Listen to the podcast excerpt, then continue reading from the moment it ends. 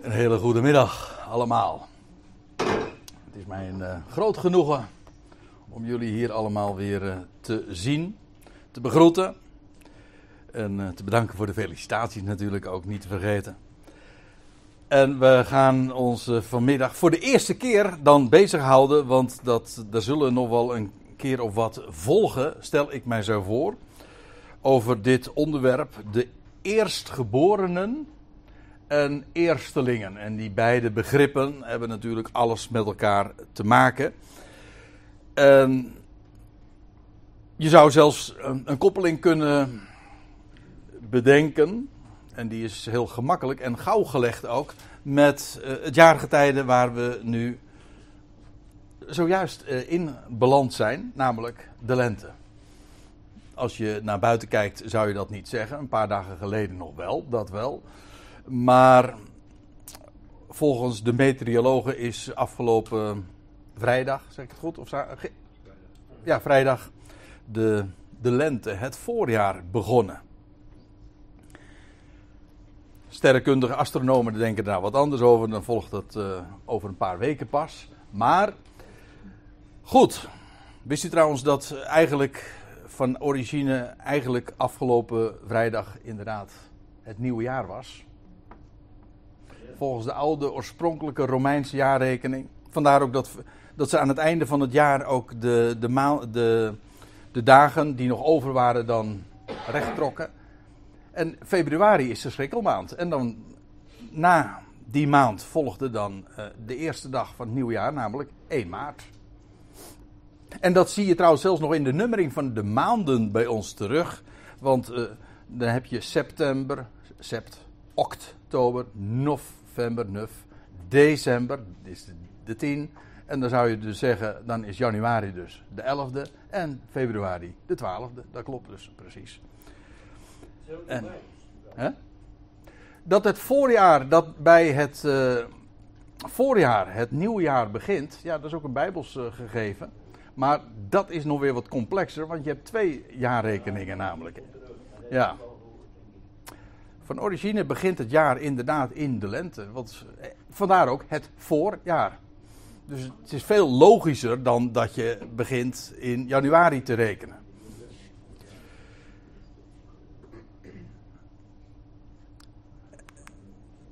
Maar dat fenomeen van het voorjaar. Ja, en van eerstelingen die zich dan aandienen. Ja, dat zie je overal ook in de natuur uitgebeeld. En ja, denk eens aan de vroege bloeiers. Ik sta hier nu, maar eigenlijk zou, om deze inleiding te houden, veel beter mijn broer hier kunnen staan. Die, eh, we hebben eh, op de weg hier naartoe hebben we uitgebreid nog over allerlei dingen.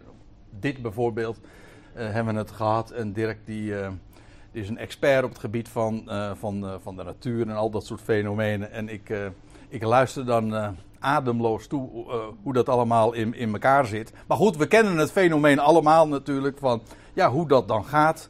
Uh, dan heb je, terwijl het eigenlijk nog winter is, maar dan heb je daar die eerste bloeiers. Bijvoorbeeld het sneeuwklokje of de krokus die je nu volop ziet. En nog even later volgt ook, volgen de tulpen alles uh, zo op zijn tijd. Maar je ziet het trouwens ook bij iets anders, namelijk de, de trekvogels die weer terugkomen. En mijn broer Dirk wist te verzekeren dat je nu ook alweer de, volop de zwaluwen ziet terugkomen. Zo zei je toch? Ja, Oké, ze komen eraan. Ja.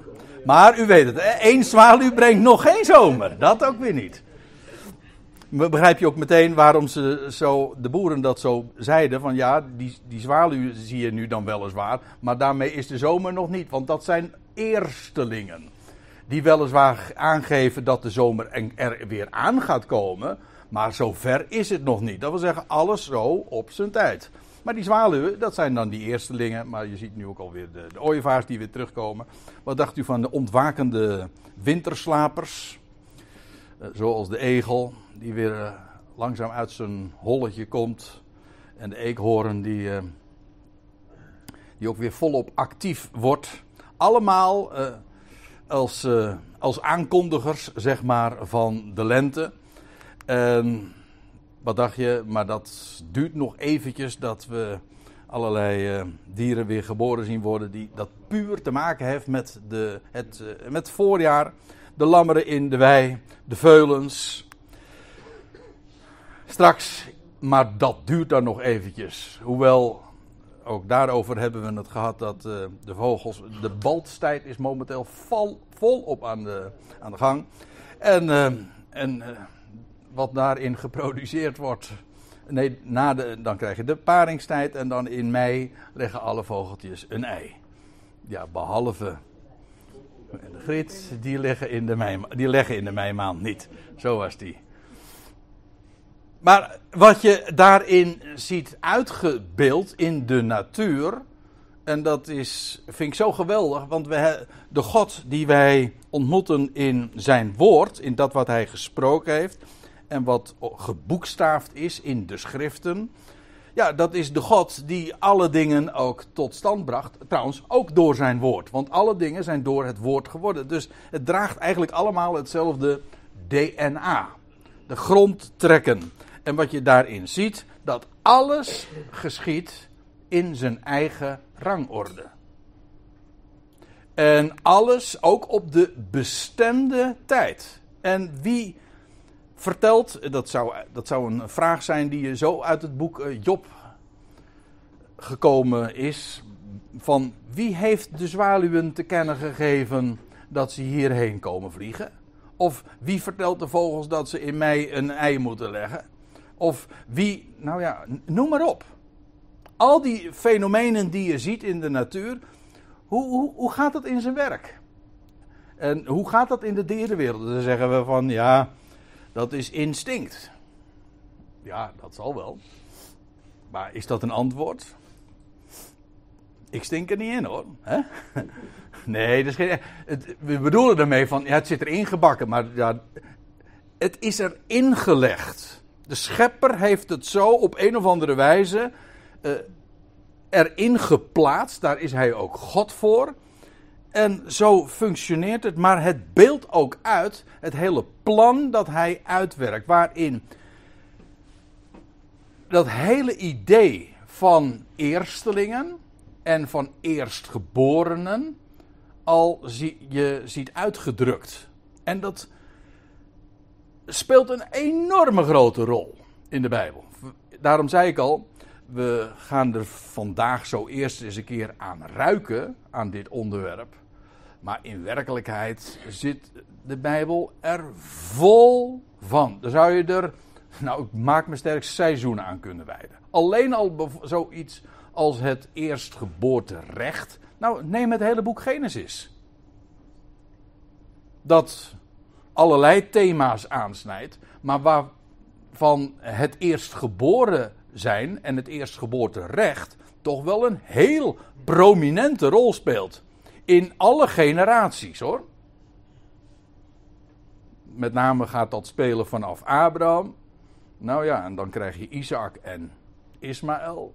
Of in de andere volgorde. En dan krijg je in de generatie daarop krijg je Jacob en Esau. En nog weer een generatie. En dan wordt het nog gecompliceerder. Ja, wie is het dan? Wie is dan de eerstgeborene? Ja, dat hangt er vanaf van welke vrouw je dan rekent. En, en nog weer een generatie later, namelijk de kinderen van Jozef.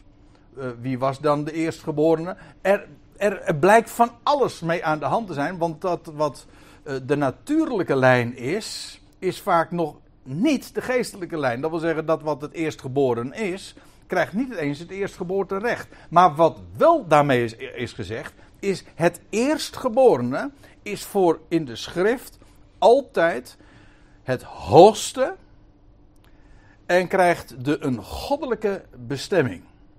En we zullen dat uh, straks ook zien. En weet je, ik, dit raakt ook direct de kern van ja, het goede bericht dat we van Gods wegen kennen. Namelijk dat alles genade is. Want laten we nou wel wezen. Uh, wat kun je eraan doen dat je een eerstgeborene bent? Niks toch? de, de, de volgorde van geboorte, ja, dat als er iets is wat je niet in de hand hebt, het louter feit dat je geboren bent, daar heb je al helemaal niks over te zeggen. Dat wordt niet eerst aan je gevraagd. Maar in welke volgorde je geboren wordt en dat je de eerste bent, heb je ook al niet in de hand. Het wordt je toebedeeld, maar het heeft een enorme consequentie. Of je de eerstgeborene bent, ja of nee. Maar het valt je toe. En daar zit natuurlijk nog een, een, eh, idee achter. En daar, ook dat zal ongetwijfeld nog uitgebreid aan de orde komen. Namelijk dat op het moment dat je zegt: er is een eerste, daarmee geef je ook aan: er volgt nog meer. Dat zit al in dat woord eerste besloten. Namelijk, er, zijn, er, volgen er meer. En als je het hebt over eerstelingen, dan heb je uh, de gedachte van uh, de eerstelingen van een oogst. Maar er, de rest volgt allemaal nog. Alleen er is een eigen rangorde. En zojuist heeft Lub gelezen uit Colossens 1, wat trouwens mooi uitkomt, want daarmee wil ik vanmorgen, of vanmiddag, sorry, afsluiten. Datzelfde gedeelte, daar had ik ook aan gedacht, uit uh, Colosse 1. Maar hij had ook kunnen lezen met heel veel recht uit 1 Korinthe 1. Dat zoals in Adam allen sterven, een evident feit. Ik bedoel, het is geen groot nieuws als ik zeg van ja, alle mensen zijn stervelingen. Dan zeggen we ja, de, dat is zo. Dat is de grote tragiek. Maar het is een, ja, het is een gegeven. Maar zo zullen in Christus ook allen worden levend gemaakt. Maar, zegt Paulus, een ieder in zijn eigen rangorde. Niet allemaal tegelijk. Christus de eersteling. Vervolgens die van Christus zijn in zijn parousia. Daarna het einde van de levendmakingen. Nou ja, daar komen we ook nog wel over te spreken. Ik wil eigenlijk daarmee allemaal uh, dit gezegd hebben. Het leven gaat overwinnen. De grote oogst gaat nog volgen. Maar alles in zijn eigen rangorde. En daarbij is sprake van een eerste en van eersten. Meervoud, ook dat kan. Degene die de, eerst, de eerste opvolgen. En zeg maar, dan heb je de, de kopgroep. Hè? Eh, dat is dan in wielrenner termen. En dan krijg je het peloton. En dan heb je ook nog mensen die daar. Eh, in oogstermen heb je dan nog de, la, de nalezing de laadbloeiers. Ah, maar uh, hoe dan ook, er is gewoon verschil in tijdstippen. En nou, dat fenomeen wat ons gewoon in het alledaagse leven en in de natuur maar al te bekend is, speelt in de Bijbel een grote rol en wordt er ook aan toegekend met grote nadruk. Nou, laten we de eerste keer maar eens een keertje waarin dat begrip gebruikt wordt voor, uh, voor de aandacht plaatsen. Namelijk in Genesis 4. Ik lees even voor nu uit de Statenvertaling. En om gewoon even wat zonder daarbij te streven naar compleet, absoluut niet. Maar gewoon om een indruk te krijgen, een, een korte impressie van hoe dat begrip eerstelingen en eerstgeboortes uh, eerstgeborenen zijn, een rol speelt, een hoofdrol speelt in de Bijbel. Ja, dan, uh, dan bladeren we gewoon zo links en rechts wat door de Bijbel. En dan lees je in Genesis 4, dus dan praten we meteen al over ja, de, de allereerste mensen, de tweede generatie in dit geval om precies te zijn. En eh, er wordt niet bijgezegd van hoe Abel al van dit principe op de hoogte was. Het was hem dus op een of andere manier kennelijk duidelijk of verteld. Uh, Abel, u weet het, was trouwens niet de eerstgeborene. Oh, daar zie je dat fenomeen al. Kain was de oudste, daarna kreeg je Abel. Ja. Maar het gaat altijd naar de tweede. Ook daar zullen we het nog over hebben, maar dat is weer niet het onderwerp van vandaag. Maar dat gaan we een, een volgende keer behandelen. Abel bracht ook van de eerstgeborenen van zijn schapen en ook van hun vet. Ik laat dat nu even helemaal rusten. En dan staat er, en de Heere, Jaweh, hij zag dat Abel, hij zag Abel en zijn offer aan. Wat Abel deed, in tegenstelling trouwens tot Kain, die van de eerstelingen van zijn uh, oogst van de vrucht uh, bracht. Maar Abel bracht van de eerstgeborene van zijn schapen, daar vloeide bloed. Want wat hij deed, ja, hij bracht een offer. En dat betekent, daar hebben we het wel vaker over gehad, ook in deze context. Hij slachtte een dier. Omdat vervolgens, dat was nog niet het offer, na de slachting werd dat vervolgens uh, op het altaar geplaatst en steeg dat op, goden tot een liefelijke reuk. Een beeld, respectievelijk, van het slachten van het lam. En daarna volgt de verrijzenis. Het opstijgen voor God tot een liefelijke reuk. Wat spreekt van sterven, van dood en daarna van opstanding. En daarin is de liefelijke reuk gelegen. Maar het waren de eerstgeborenen van zijn schapen. Altijd, dat wordt nog eens een keer ook benadrukt. Het is het eerste, zo zeggen wij trouwens ook, hè, de eerste, de beste. Uh, het was ook, uh, het moest uh, van degelijke kwaliteit zijn. Het mocht bijvoorbeeld, dat geldt van offers in het algemeen, dat mocht niet van inferieur, inferieure, minderwaardige kwaliteit zijn. Uh, een, een, dier dat bijvoorbeeld gehandicapt was of om, om andere reizen allerlei mankementen vertoonde, was niet geschikt als offerdier. Maar het waren de eerstgeborenen van zijn schapen. Dan zie je dus al dat het maar geen instelling is, uh, of het hele idee of het concept van eerstgeboren zijn, dat dat pas in de Mosaïsche wet een rol speelt. Maar dat was, vergis je niet, Mozes, dat was 2500 jaar na Adam. Nee, al vanaf de dagen van Adam en Abel werd, was daar al sprake van het slachten van de eerstgeborenen en die aan God werden aangeboden. Ik laat heel wat plaatsen nu uh, liggen en ik neem u nu mee naar Leviticus 23. En om ook te laten zien, en dit is dus een, dit zijn bepalingen, verordeningen die God gaf aan zijn volk Israël, dat hij uit Egypte geroepen had.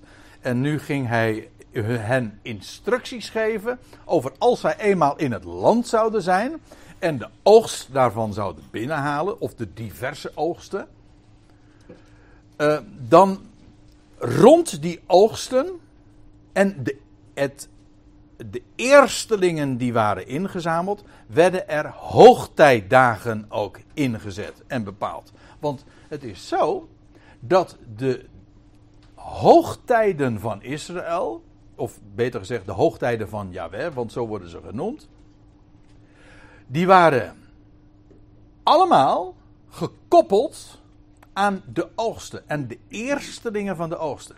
Je had, eer, je had eigenlijk drie groepen van hoogtijden. Namelijk in de eerste maand, in het voorjaar, in de maand Aviv.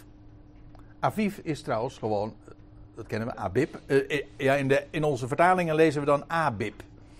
Maar eigenlijk op zijn Hebreeuws is het Aviv. En Aviv betekent lente. Tel Aviv betekent lenteheuvel. Of heuvel van lente. Maar dat is Aviv. En de, dat is de eerste maand van origine. Later werd het de zevende maand, maar nou ja, dat is. Hè, we gaan het niet moeilijker maken.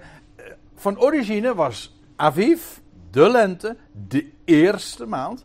En dat was ook de maand waarin de eerste oogst al werd binnengehaald, namelijk van gerst. Een zevental weken later werd een nieuwe oogst binnengehaald. Dat was de oogst van tarwe. En nog weer een aantal maanden later, namelijk uh, in de zevende maand, dan, dat was de maand Tishri. En dan werd ook, uh, er werden ook de oogst binnengehaald van de, van de most, van de druiven dus, en van de olijven. Hoe het met de vijgen zat, weet ik niet. Ik denk het ook. Maar goed. Hè? Nog niet. Nee, later. Nou ja, goed. Hoe, hoe dan ook, eh, in ieder geval van, de, van de, de most en de olie. Ja, dus de druiven, eh, de wijnoogst. En vandaar ook dat de zevende maand een grote eh, feestmaand is met diverse hoogtijden. Maar allemaal dus is het gegroepeerd rond het binnenhalen van de eerstelingen van de oogst. Goed, ik neem u even mee naar Leviticus 23. Dat is niet zonder reden, omdat we daar feitelijk ook dus de eerste oogst beschreven vinden. En ook de eerste echte eh, groep van hoogtijden. Lezen, laten we het eens lezen. Leviticus 23, vers 10.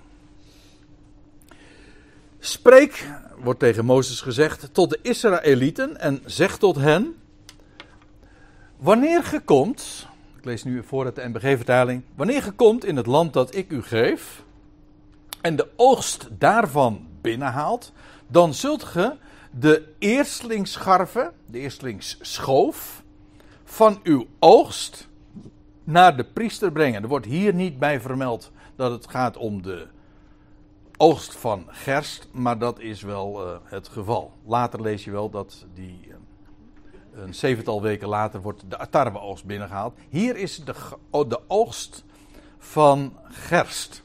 Dan zult gij de eerstelings garven, dat is een enkelvoud, dus een één schoof van de gerstenoogst, de, de eersteling daarvan. Die zul je naar de priester brengen. En dan staat er, en hij, de priester dus, die zal die garven, die schoof, voor het aangezicht van de Heere, van Yahweh, bewegen. Opdat gij, Israëlieten, welgevallig zijt. En dan staat erbij, daags na de Sabbat zal de priester die bewegen. Vandaar ook dat dit een beweegoffer genoemd wordt, waarmee eigenlijk wordt uitgedrukt dat die, dat offer, dat is ja, mobiel, het, het beweegt. En daarmee wordt ook uitgedrukt dat het leeft. Iets wat beweegt, leeft. Hè? Iets wat dood is, dat, dat staat of ligt stil. Iets wat beweegt, leeft. En bewegen, dat het zo demonstratief voor het aangezicht van God bewogen wordt, is een uitbeelding van dat het leeft. Eigenaardig trouwens van deze hoogtij is, is dat er geen datum aan gekoppeld is. Bijvoorbeeld Yom Kippur, ik noem maar wat, daarvan wordt gezegd, het was de tiende van de zevende maand, 10 Tishri. Gewoon een datum. Dag van de bezuinigingshal is 1 Tishri. Het Loofhuttenfeest begint op 15 Tishri. Pesach begint op de 14e van de Aviv. Dat is trouwens in deze maand ook, van Aviv. Maar in ieder geval, dan is er een datum aangekoppeld. Het Pesach was een vaste datum. Voor dit feest, voor deze hoogtij, was geen datum. Er wordt namelijk gezegd, het is, het moet, maar er was wel iets anders vast. Het had wel een vaste weekdag. Het moest namelijk zijn de dag na de Sabbat. Dan weet je dus meteen op wat voor dag het was. Namelijk, ja, wij zouden zeggen een zondag of een eerste dag van de week. Dit viel in de week van, zo wordt het ook gezegd, als je Paul hier voorleest, als het gaat over deze eerstlingsschoof van de gerst, van de gerstenoogst. Dit viel ook in de week van Pesach. Dus de veertiende werd het lam geslacht. En in die week, namelijk op de zondag, op de dag na de Sabbat, werd de schoof van de ger, de eerstlingsschoof, werd voor de Heer bewogen. En waarom noem ik dit eigenlijk ook als eerste? Omdat het veruit uh, het belangrijkste is. Het is namelijk ook op Gods kalender, als het gaat om hoogtijden, staat dit punt nummer 1. Hier begint alles. Dit is het begin van het jaar, inderdaad, Aviv. Het is ook het begin van de hoogtijden. Het is het begin van de feesten. Maar het is ook het eerste oogst. En de eersteling daarvan werd uh, bewogen en dat was op deze dag. Laat ik u nou maar gewoon meteen dit zeggen. Dit feest deze hoogtij, deze schoof van gerst die bewogen werd, dat is vervuld in de op de dag dat de Heer Jezus verrees uit het graf. Exact die dag. De Heer Jezus stond op op de dag dat de eerstlingsschoof bewogen werd. Inderdaad, een daags na de Sabbat. Daar is nog een heleboel om over uh, om te doen en ook over te zeggen. Uh, ik wil dat uh, allemaal even passeren om een heel eenvoudige reden. Ik wil gewoon scherp stellen hoe dat zit met dat eerstelingschap. En, en in dit geval ook die eerstlingsschoof. Het meest basale van alles is. De eerstlingsschoof werd gebracht. Inderdaad, in die week van, van Pesach. Maar het was de dag na de Sabbat. En dat was precies dus de dag dat de Heer Jezus opstond uit de dood. En in onze vertalingen komt het helaas niet uit de verf. Maar de, iedere keer als wij in ons Nieuwe Testament lezen over eh, de eerste dag van de week. Ik geloof dat het de eerste dag van de week was, daar niet van. Maar het was niet zomaar een eerste dag van de week. Letterlijk staat er, het was de eerste dag van de Sabbatten. En dat betekent, er werden namelijk uh, sabbatten, vanaf deze dag werden er zeven sabbatten gerekend. En nou neem ik u meteen eventjes mee naar het volgende. Want, uh, dat kan ik meteen goed uitleggen. Ik ga nu even verder in Leviticus 23. En dan staat er, ik sla een paar versen over. En dan staat er in vers 15. Dan zult gij tellen van de dag na de Sabbat. Van de dag waarop gij die garven van het beweegoffer gebracht hebt. En dan staat er bij zeven volle weken. Als u een statenverhaling hebt, staat er zeven volkomen sabbatten. Wat ongeveer hetzelfde is, want elke week heb je een sabbat. Dus ze moesten zeven sabbatten verder rekenen. Dus, en ze moesten niet alleen de sabbatten tellen, maar ze moesten ook de dagen tellen. Waarom was dat belangrijk? Wel, er was namelijk geen vaste datum voor. Voor twee hoogtijden is geen vaste datum gegeven. Namelijk voor de dag van de eerstelingsschoof, daar wordt wel een vaste weekdag gegeven. En dan staat er, en vanaf die dag ga je, moet je gaan tellen. Vanaf de dag na de Sabbat en dan zeven volle weken. En dan staat er trouwens nog, als je de, uh, verder leest, uh, dan moesten ze inderdaad 50 dagen tellen. En dan krijg je Pinksteren. Maar die hele periode, dat is wat ik nu even wil zeggen. Vanaf de dag dat de eerstelingsschoof gebracht werd. De dag na de Sabbat. Moest men zeven weken gaan rekenen en tellen. Dat gebeurde ook echt demonstratief. Elke dag is er één, elke week is er één. En dan moesten ze gaan tellen. En die hele periode van zeven weken, dat wordt genoemd de periode van de Sabbatentelling. Heel logisch. Ze moesten namelijk Sabbaten tellen. En de Heer Jezus stond op op de eerste dag van die hele periode van de Sabbatentelling. Vandaar ook dat het genoemd wordt. Hij stond op op de eerste dag van de Sabbatentelling. Dus maar niet zomaar een zondag. Nee, het was die ene zondag waarin een periode begon, namelijk waarop men begon te tellen, uh, ja, zeven weken lang. En als je na zeven weken lang dan geteld hebt, dan heb je, kom je op een gegeven moment bij de 49ste dag. En na die zevende sabbat, nou dan krijg je dus de, de 50ste dag. En die logischerwijs dan ook natuurlijk weer op een, op een zondag valt. Op een eerste dag van de week. Dat is belangrijk.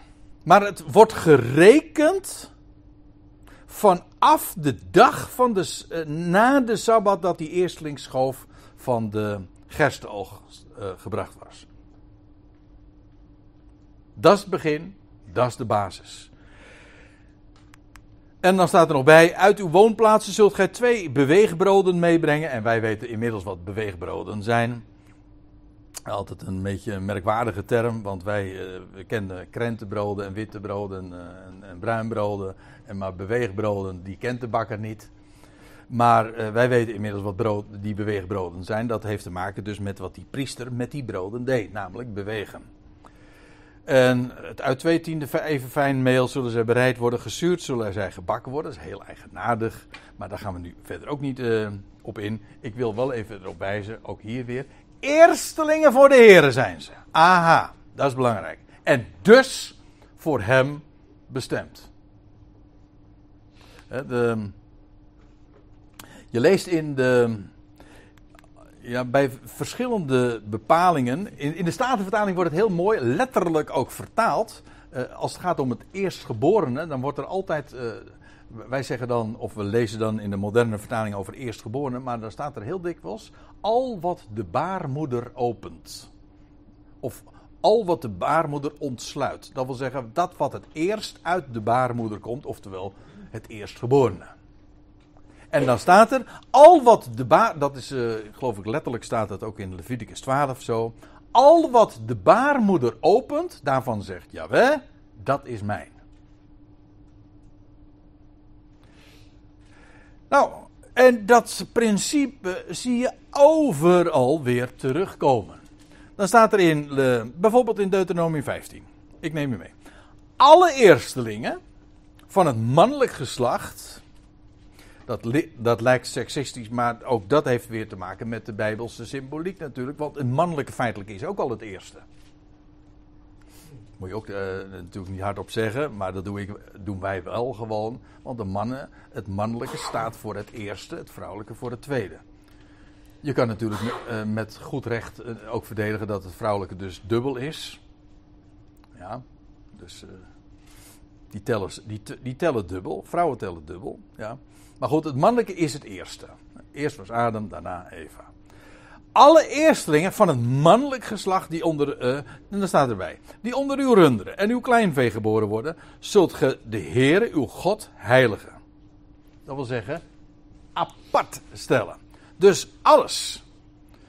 Een mannetjesdier dat als eerst geboren was, of het nou runderen betrof of kleinvee, dat zult ge de Heer uw God heiligen, dat wil zeggen apart zetten. Ge zult niet arbeiden met de eersteling van uw rund en de eersteling van uw schaap. Oh, pardon, en de eersteling van uw schaap zult ge niet scheren, zo moet ik het zeggen. Met andere woorden, daar is die eersteling niet voor bestemd, dat is voor de volgende. De eersteling van de rund zou, daar zou mee, niet mee worden gearbeid. En de eersteling van de schaap, die zul je niet scheren. Waarom niet? Voor het aangezicht van de Heere uw God. Zult ge ze jaar op jaar eten. In, op de plaats die de Heere verkiezen zal. Gij met uw huisgezin. Het idee is, het wordt geslacht, het is offer. En uh, in feite, en wij denken dan van dat is ook zielig. Nee, maar het kreeg juist de hoogste bestemming op deze wijze. Het was namelijk voor hem, voor God. En men zou daar ook van eten, namelijk een offermaaltijd. Het idee is uh, iedere keer, het waren de eerstelingen. Ik, neem, ik lees nog eventjes verder in Deuteronomium 26. Want we gaan natuurlijk niet over één nacht ijs. Ik wil, ik wil alleen maar, uh, dit doe ik, niet alleen maar om diverse aspecten ervan even te belichten, kortweg. Maar ook om ons goed te, laten doordringen van het gegeven hoe belangrijk het eerste is dat zich aandient. Wanneer jullie komen in het land dat de Heer uw God, Deuteronomium 26 vers 1. Wanneer je komt in het land dat de Heer uw God u ten erfdeel gegeven zal, en gij het in bezit neemt, en daarin woont, dan zult gij van de eersteling, van de eerstelingen van alle vruchten van de bodem. Aha, nu gaat het ook over de vegetatie dus. Dus het gaat niet alleen maar over de dieren, maar het gaat ook over de vruchten. Oftewel van uh, de planten. Uh, de eerstelingen van alle vruchten van de bodem, die zult ge inzamelen van het land dat de Heer uw God u geven zal. Met andere woorden, je krijgt het allemaal van mij. Jij krijgt het land. Maar het eerste, dat is voor mij. Dat de Heer uw God u geven zal, uh, zal u nemen en in een man doen en naar de plaats gaan die de Heer uw God u verkiezen zal, om daar zijn naam te doen wonen. Dat heeft nog een hele tijd geduurd voordat die plaats uh, gevonden was. En pas in de dagen van David was dat uh, duidelijk. Namelijk Sion. En dat was de plaats waar hij zijn naam deed wonen. Hoe dan ook, wat daar gebracht zou worden, is niet alleen maar de eerstelingen van de kudde, maar ook de eerstelingen van de, alle vruchten van de bodem. Ongeacht van wat. Er wordt gewoon gezegd van alle vruchten van de bodem. Ik neem u nog even naar een andere plaats mee, namelijk naar Nehemia 10. Dan zijn we inmiddels uh, een hele tijd verder. Uh, dan zijn de Israëlieten na de ballingschap weer teruggekeerd. En dan lees je dit. Dat Israël gewoon ook officieel ook met elkaar afspreekt. En zo wordt het ook verordend. Ook verplichten wij ons, let op. En hier vind je een soort van samenvattende statement. Ook verplichten wij ons, de eerstelingen van onze akker. En de eerstelingen van alle boomvruchten, jaar op jaar naar het huis des Heren te brengen.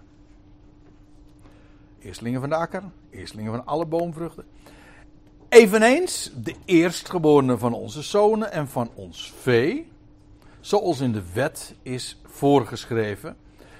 Uh, de eerstgeborenen van wat de mensen betreft, dat, uh, dat parkeer ik even. Dat, dat is een onderwerp voor, van, van, later, uh, van later datum, waar we dat zullen behandelen, want dat is een kwestie apart.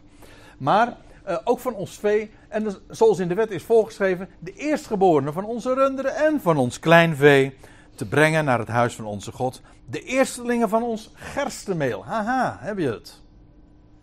En van alle boomvruchten, most, druiven, en olie, dus het product van de olijfbomen, zullen wij tot de priesters naar de vertrekken van het huis van onze God brengen.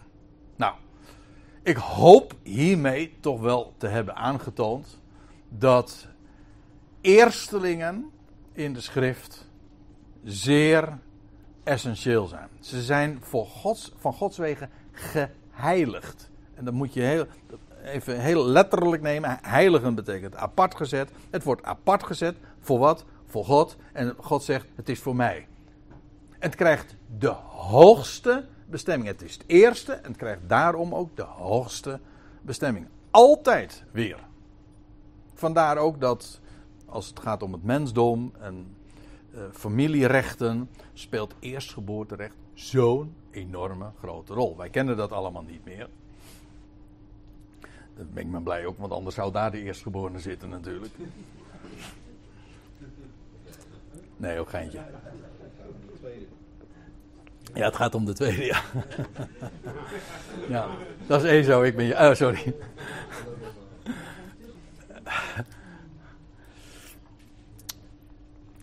Nee, maar één ding is duidelijk. In de schrift speelt dit een hele grote rol. En dat is uiteraard vanwege de geestelijke betekenis. Nou, en nou gaan we maar eens eventjes naar het Nieuwe Testament. Hoewel, eigenlijk heb ik zojuist aan de hand van Leviticus 23, toen ik het had over die eerstlingsschoof, daar al over gehad. De eersteling, ja, wie is dat? Nou, je leest trouwens in, de, in, in het boek Rut, dat is heel mooi, aan het einde van Rut 1, als, als Naomi dan weer vanuit het land van Moab met haar schoondochter Rut is uh, gearriveerd in Bethlehem, jazeker. Dan lees je, uh, ja later dan dat ze ook op de velden van Boas komt, maar daar staat er, en het was in het begin van de gerstenoogst. Aha, het begin van de gerstenoogst. En dat bepaalt ons dus meteen ook weer bij de eersteling. De allereerste van de eerste oogst. Ja, dus met recht de allereerste. En laat nu onze Heer, en dat is typisch goddelijk arrangement, goddelijke regie, hij plaatst dat zo de eersteling uit de doden. Zoals we daar uh, ook over hebben gezongen. Wees gegroet, o eersteling dagen. De eersteling, hij stond op op de dag van de eerstelingsschoof. En vandaar bijvoorbeeld dat we in en nou zijn we meteen in het laatste Bijbelboek, in Openbaring 1, lezen in de introductie. We komen trouwens in deze serie nog op deze tekst terug. Maar dan gaat het vooral over de, het eerstgeboorterecht dat ook bij Israël terechtkomt. Uh, ik heb het nu uh, even over die, die allereerste. Er staat en van Jezus Christus. We kennen dat wel. Eh, die tekst wordt in veel kerkdiensten ook dikwijls opgelezen, voorgelezen bij, bij de aanvang van de kerkdienst. Genade is u en vrede van God onze Vader en van Jezus Christus. Dan staat er de getrouwe getuige, de eerstgeborene van de doden en de overste, de vorst, de eerst. Eigenlijk daar in de overste, daar zit ook weer trouwens het idee van de eerste, de first, de vorst, de voorste. En de overste van de koningen der aarde. Alsjeblieft, dan weet je meteen over wie het hebt. Want eerst, de eerstgeborene is ook degene die het hoogste recht heeft. Het heeft ook alles te maken met koningschap. Maar even deze term. De eerstgeborene van de doden. Hij, hij, elders lees je trouwens ook de uitdrukking de eerstgeborene uit de doden. Daar komen we straks nog op terug. Hier is de eerstgeborene van de. Van alle doden is hij de eerstgeborene. Hij heeft de hoogste rechten en om een heel simpele reden. En dat is dat hij als eersteling niet meer dood is en ook nooit meer dood gaat. En dat maakt zijn opstanding volstrekt uniek tot op de dag van vandaag. Is hij de eersteling en ook nog de enige die leeft. Die is opgestaan uit de doden. Niemand is hem, heeft hem dat nog nagedaan. Ja, eh, de, de rest volgt nog. Maar hij is de, de, de eerstgeborene. Hij werd uit de doden gewekt. Ik heb juist vanmorgen heb ik eh, nog mogen spreken in Den Haag. En toen, had ik het, uh, toen was mijn onderwerp Psalm 2, vers 7. Waar, waar God zegt tegen, tegen de Messias, tegen de gezalfde. Dan zegt hij, mijn zoon ben jij, ik heb je heden, ik heb je vandaag verwekt. En ik heb een hele samenkomst eigenlijk eraan over gedaan om duidelijk te maken dat dat heden te maken heeft met de dag van de opstanding. Toen hij werd verwekt uit de doden. Gewekt uit de doden, maar ook verwekt uit de doden. En daarom ook opstond uit de doden. Die twee is nog niet eens helemaal hetzelfde. Je wordt eerst, zo gaat het toch? Je wordt eerst gewekt en daarna sta je op. Hij is gewekt, levend gemaakt, verwekt en vervolgens opgestaan. Er staat in Efeze 5: Ontwaakt gij die slaapt, dat is wekken. En sta op uit de doden. Het eerste is eigenlijk geestelijk, je wordt wakker gemaakt, gewekt. En vervolgens, het tweede is fysiek, je staat op, je komt overeind. Nou, dat is wat gebeurd is. Hij stond op om nooit meer te sterven. En dat maakt zijn opstanding uniek, omdat allen want er waren er toch nog wel een paar in de Bijbelse geschiedenis die opstonden, inderdaad. Maar zij allen zijn weer gestorven. Of je nou het, dochtertje van Jairus, of je hebt Lazarus, of de jongeling van Nain. Nou ja, er zijn er nog wel meer, maar zij allen zijn weer overleden. Maar hij is opgestaan om nooit meer te sterven. En het geweldige is dat hij daarin eersteling is. Dat bepaalt ons bij het feit dat hij zijn positie uniek is. Hij, bij hem is alles begonnen, maar er zit nog iets in. In feite zit daar het. In, dat begrip de eersteling zit het hele evangelie al besloten. Want daarmee is gezegd, hij die opstond uit de doden, die gewekt werd door God als eersteling. Daarmee is gezegd, dat allen zullen volgen. Niemand uitgezonderd. Zie daar het evangelie. Bij hem is het begonnen. De eerstgeborene. En daarmee is de basis gelegd, dat is de grond voor de rest die gaat volgen. Ieder in zijn eigen rangorde. In 2 Thessalonica 2, daar lees je dit. 2 Thessalonica 2, ik lees vanaf vers 13. Nee, niet vanaf, eh, gewoon het 13e vers. Moet je ze opletten. Hoe Paulus ook benadrukt uh, hoe geweldig dat is. Want wij hebben het over de eersteling, maar wat dacht je nu van eerstelingen? Kijk, de Heer Jezus Christus is de eerste die opstond uit de doden. De eersteling. Vervolgens wordt die boodschap uitgedragen in, in de wereld. Oké, er is van alles gebeurd. Israël is terzijde gesteld. Maar er wordt een volk verzameld voor Gods naam. En dat volk is per definitie een volk dat uh, gevoegd wordt bij de eerstgeborene. Hij het hoofd, wij het lichaam. Maar zij zijn één. Zij horen bij de eersteling. Laat ik het eerst even lezen. 2 Thessalonica 2, vers 13. Wij echter zijn verschuldigd God altijd te danken omtrent jullie broeders. Geliefd door de Heer. Even voor de goede orde, ik moet er nog even bij, dit bij zeggen. Zojuist had Paulus in het voorgaande geschreven over de wegrukking van de Ecclesia. Voordat de mens der wetteloosheid zich zal gaan openbaren, zal de wederhouder worden weggenomen. En ja, dat is een onderwerp apart. Maar zij zullen dan al, uh, ja, de Ecclesia, waar Paulus over had gesproken, die zal worden weggenomen, weggerukt tot God en zijn troon. En daarmee hebben zij uh, een positie boven. Want ja, we worden, hoe is het? Wij, wij gaan de Heer tegemoet in de lucht. We gaan naar boven. Sterker nog, we, gaan, we zijn bestemd tot God, eh, voor God en zijn troon. Daar. Op de hoogste plaats. Hoezo? Op de hoogste plaats. Nou, dat zegt Paulus uh, feitelijk impliciet of expliciet zou je ook kunnen zeggen, Heer, namelijk, wij echter zijn verschuldigd God altijd te dank omtrent jullie broeders, geliefd door de Heer. Waarom?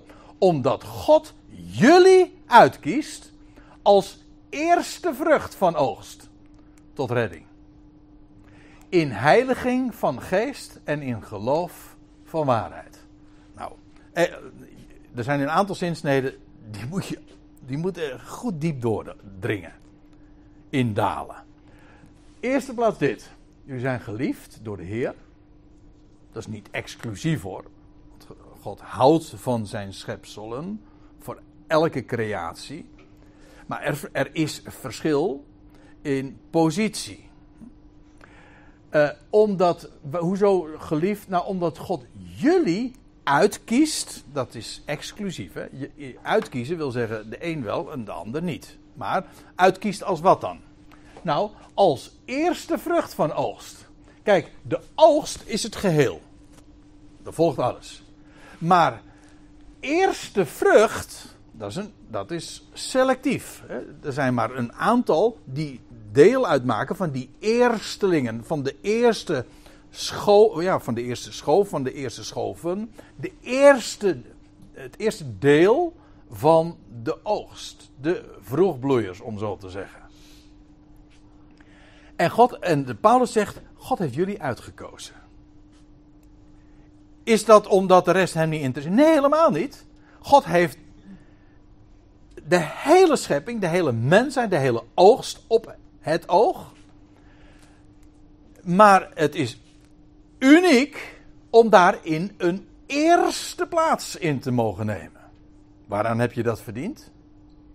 Nou, waar we het al over hadden. Waar, waar, eh, waar, heeft een krokus het aan verdiend nu al te mogen bloeien? En dat een tulp pas een maand later. En dat er nog een heleboel andere planten die pas nog veel later gaan bloeien. Waar heeft hij dat aan? Nou, dat is helemaal geen verdienste. Dat, dat ligt niet in die sfeer. Het is geen verdienst, het is genade.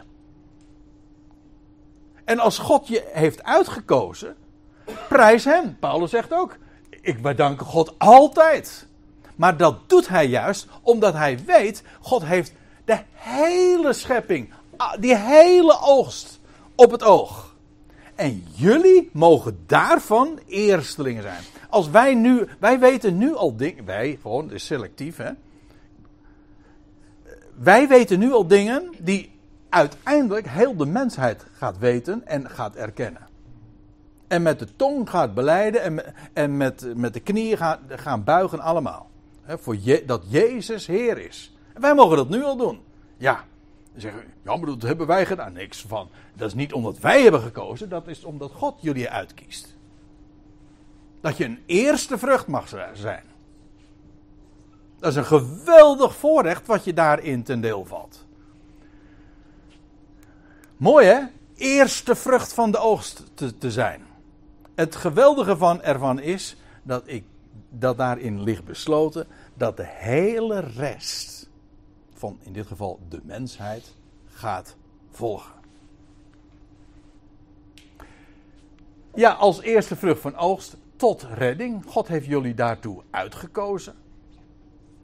De hele oogst gaat gered worden, maar jullie zijn de eerste. De eerste dingen inheiliging van geest, dat wil zeggen, geestelijk word je apart gezet. En, het is, en hoe vindt dat plaats? Want het is eigenlijk een hele. Ja, wat is de, de, de lakmoesproef, zeg maar? Hoe weet je nu dat je uh, daar deel uitmaakt van die eerste vrucht van de oogst? Wel, er staat hierbij in geloof van waarheid. De waarheid van het goede bericht van het evangelie wordt verteld. En als je dat mag horen, want geloof is uit gehoor, en als je dat mag erkennen, nou, dan heeft hij jou daarvan overtuigd. Prijs God, genade. Dat je dat mag weten. En dit is dus eigenlijk, dat woordje in hier, geeft ook de sfeer aan waarin dit plaatsvindt. Hij heiligt. Hij is het ook die, door, die binnen de sfeer van het geloven van waarheid uh, jullie plaatst uh, in, uh, in ja, die sfeer van de eerstelingen van de oogst. De eerste vrucht van de oogst.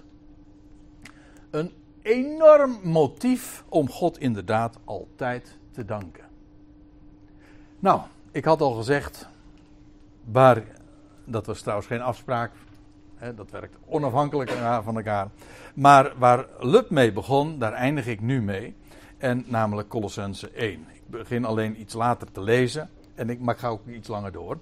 Uh, er staat in Colossense 1, vers 18. Inderdaad, in vers 16 wordt ook al gezegd over de eerstgeborene van de schepping. Maar ik, ik begin nu te lezen. En hij, gaat het over de zoon van Gods liefde. Hij is het hoofd. De, maar hoofd is eigenlijk ook een eerste. Weet je dat het Hebreeuwse woord voor hoofd, dat is rosh. En Rosh, dat is weer afgeleid van het woord Rishon. En Rishon is eerste. Vandaag is het Yom, eh, zegt een Jood, in Israël zeggen ze, het is vandaag Yom Rishon. Vandaag, het is de eerste dag, zondag dus. Rishon, dat betekent de eerste. Een hoofd in de Bijbel is gewoon het eerste. Dan weet je ook waarom dat het eerste verschijnt bij de bevalling. Het begint bij het hoofd. Dat is het eerste. En het hoofd van de school is degene die voorop loopt en de eerste is, zoals we dat allemaal weten. Hij is het hoofd. Van wat? Nou, van het lichaam. Ja, van alles uiteindelijk hoor. Maar hier, hij is het hoofd van het lichaam. Wat bedoel je, Paulus? Nou, de Ecclesia. Aha, dat uitroepsel. Ook weer selectief, een uitroepsel. Te midden van die alle natie wordt er een volk uitgeroepen. Door, en hoe wordt het uitgeroepen? Nou, gewoon door, het woord, door, door de waarheid ervan bekend te maken. En degene die gehoor geven, ja, die horen bij de. En die daarvoor, bij wie dat kwartje valt. Een heitje. Uh, ja, nou ja. Uh, bij wie het kwartje valt, die, ja, die horen bij die Ecclesia. Maar, maar dat is toch dat is toch geen kunst? Ah, nee, dat is ook helemaal geen kunst. Het is geen, het is geen kunstje. Het is geen verdienste ook. Het is geen prestatie. Je mag geloven. Hij is het hoofd van het lichaam, de Ecclesia. Hij is de oorsprong, staat er. De, de eerste, het begin staat er in de MBG en de Statenvertaling geloof ik. Hij is, maar letterlijk staat er het woordje oorsprong. Hij is de oorsprong, bij hem begint het allemaal. De eerstgeborene vanuit de doden. Openbaring 1 was de eerstgeborene der doden. Hier is de eerstgeborene uit de doden. Moet je heel letterlijk nemen. Je hebt allemaal doden. Mensen die dood zijn. Doden. En hij is de eerstgeborene uit de doden. Hij, maakt, hij was een dode, maar inmiddels is hij geen dode meer. Hij is ja, uit de dood voortgebracht, gegenereerd, geboren. En als eerste. En de eerstgeborene vanuit de doden, opdat hij in alles de eerste zou worden. Hij is het hoofd, maar hij heeft, hij is de eerste die opstond uit de doden, maar hij is, uh, hij, hij uh, is bezig vandaag zich een gezelschap te verzamelen, hè, de Ecclesia, en die is met hem verbonden zoals hoofd en lichaam verbonden. Zijn positie is onze positie. Dat wat hij krijgt, krijgen wij. Dat is ongekend groots. Nogmaals, geen verdiensten. Dat is gewoon. Ja, je bent een vroegbloeier. Een eersteling. In de computerwereld spreken ze een early adapter. Een early adapter. Hè? nou, dat is weer wat anders trouwens. Maar goed. Uh, ik bedoel dit. Uh, waarom?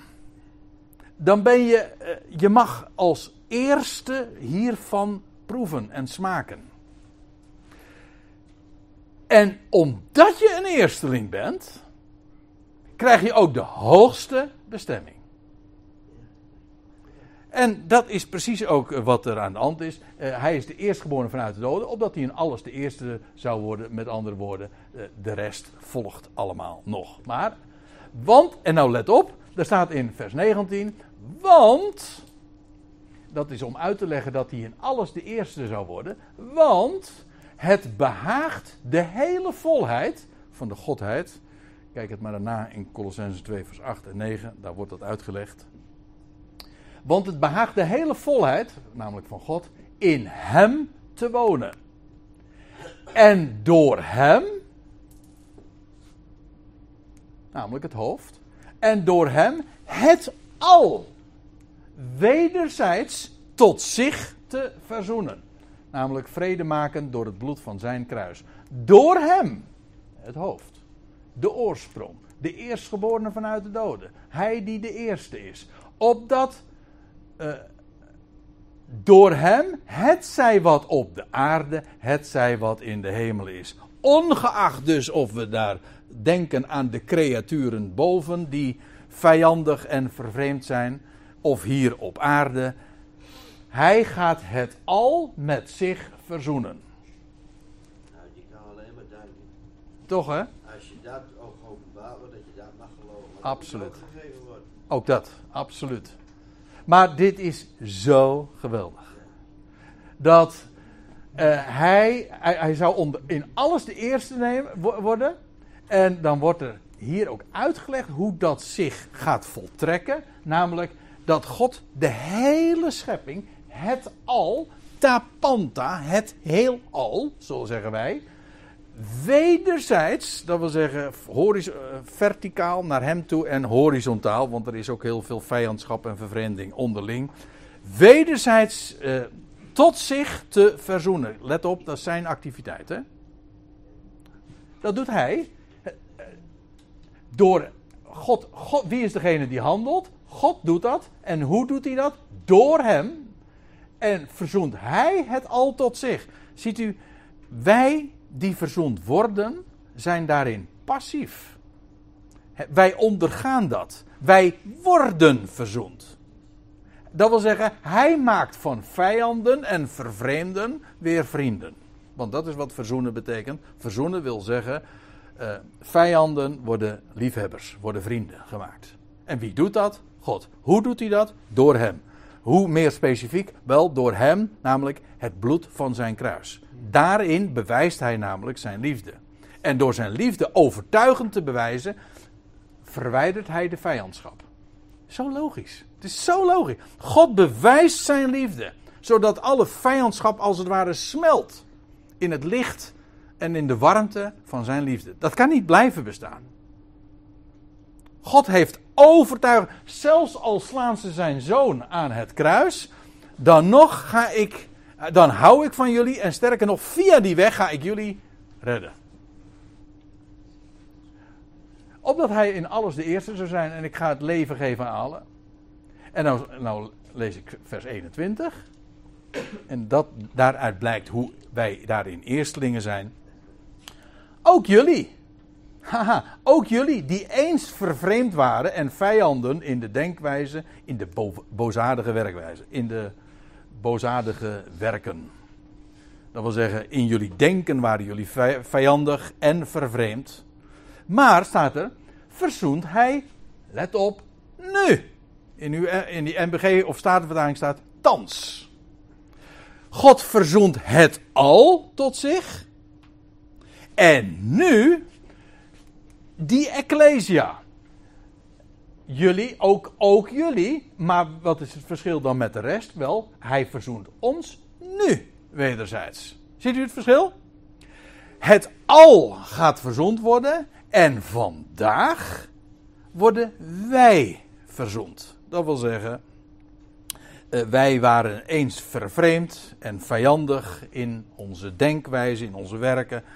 En vervreemd van God. Maar God heeft ons met zich, tot zich verzond. Overtuigd van zijn liefde. En zo zijn wij deel gaan uitmaken van dat, van dat eerstelingsgezelschap. En krijgen we zomaar. Het valt ons toe. De hoogste bestemming. Want eerstelingen. En dus bestemd voor de troon. Dit is ongekend. Wat op deze wijze uh, ons ten deel valt, puur omdat wij in dit tijdsgewricht mogen leven en nu deze dingen mogen vernemen. Ja, ik vind het ongelooflijk. Ik wil een volgende keer wil ik verder uh, nog wat uh, wil ik dit onderwerp nog uitdiepen en willen we het ook gaan hebben over eerstgeboorterecht en over het verschil tussen de Ecclesia nu en Israël straks. Er zijn verschillen, er zijn overeenkomsten, maar dat voert allemaal te ver. Dit was zomaar een introducerend onderwerp, maar ik moet u zeggen, het maakt mij erg blij om er maar aan te denken. Bij de eersteling te horen en bij een volk van eerstelingen te behoren. Zullen we het daarbij laten voor vanmiddag?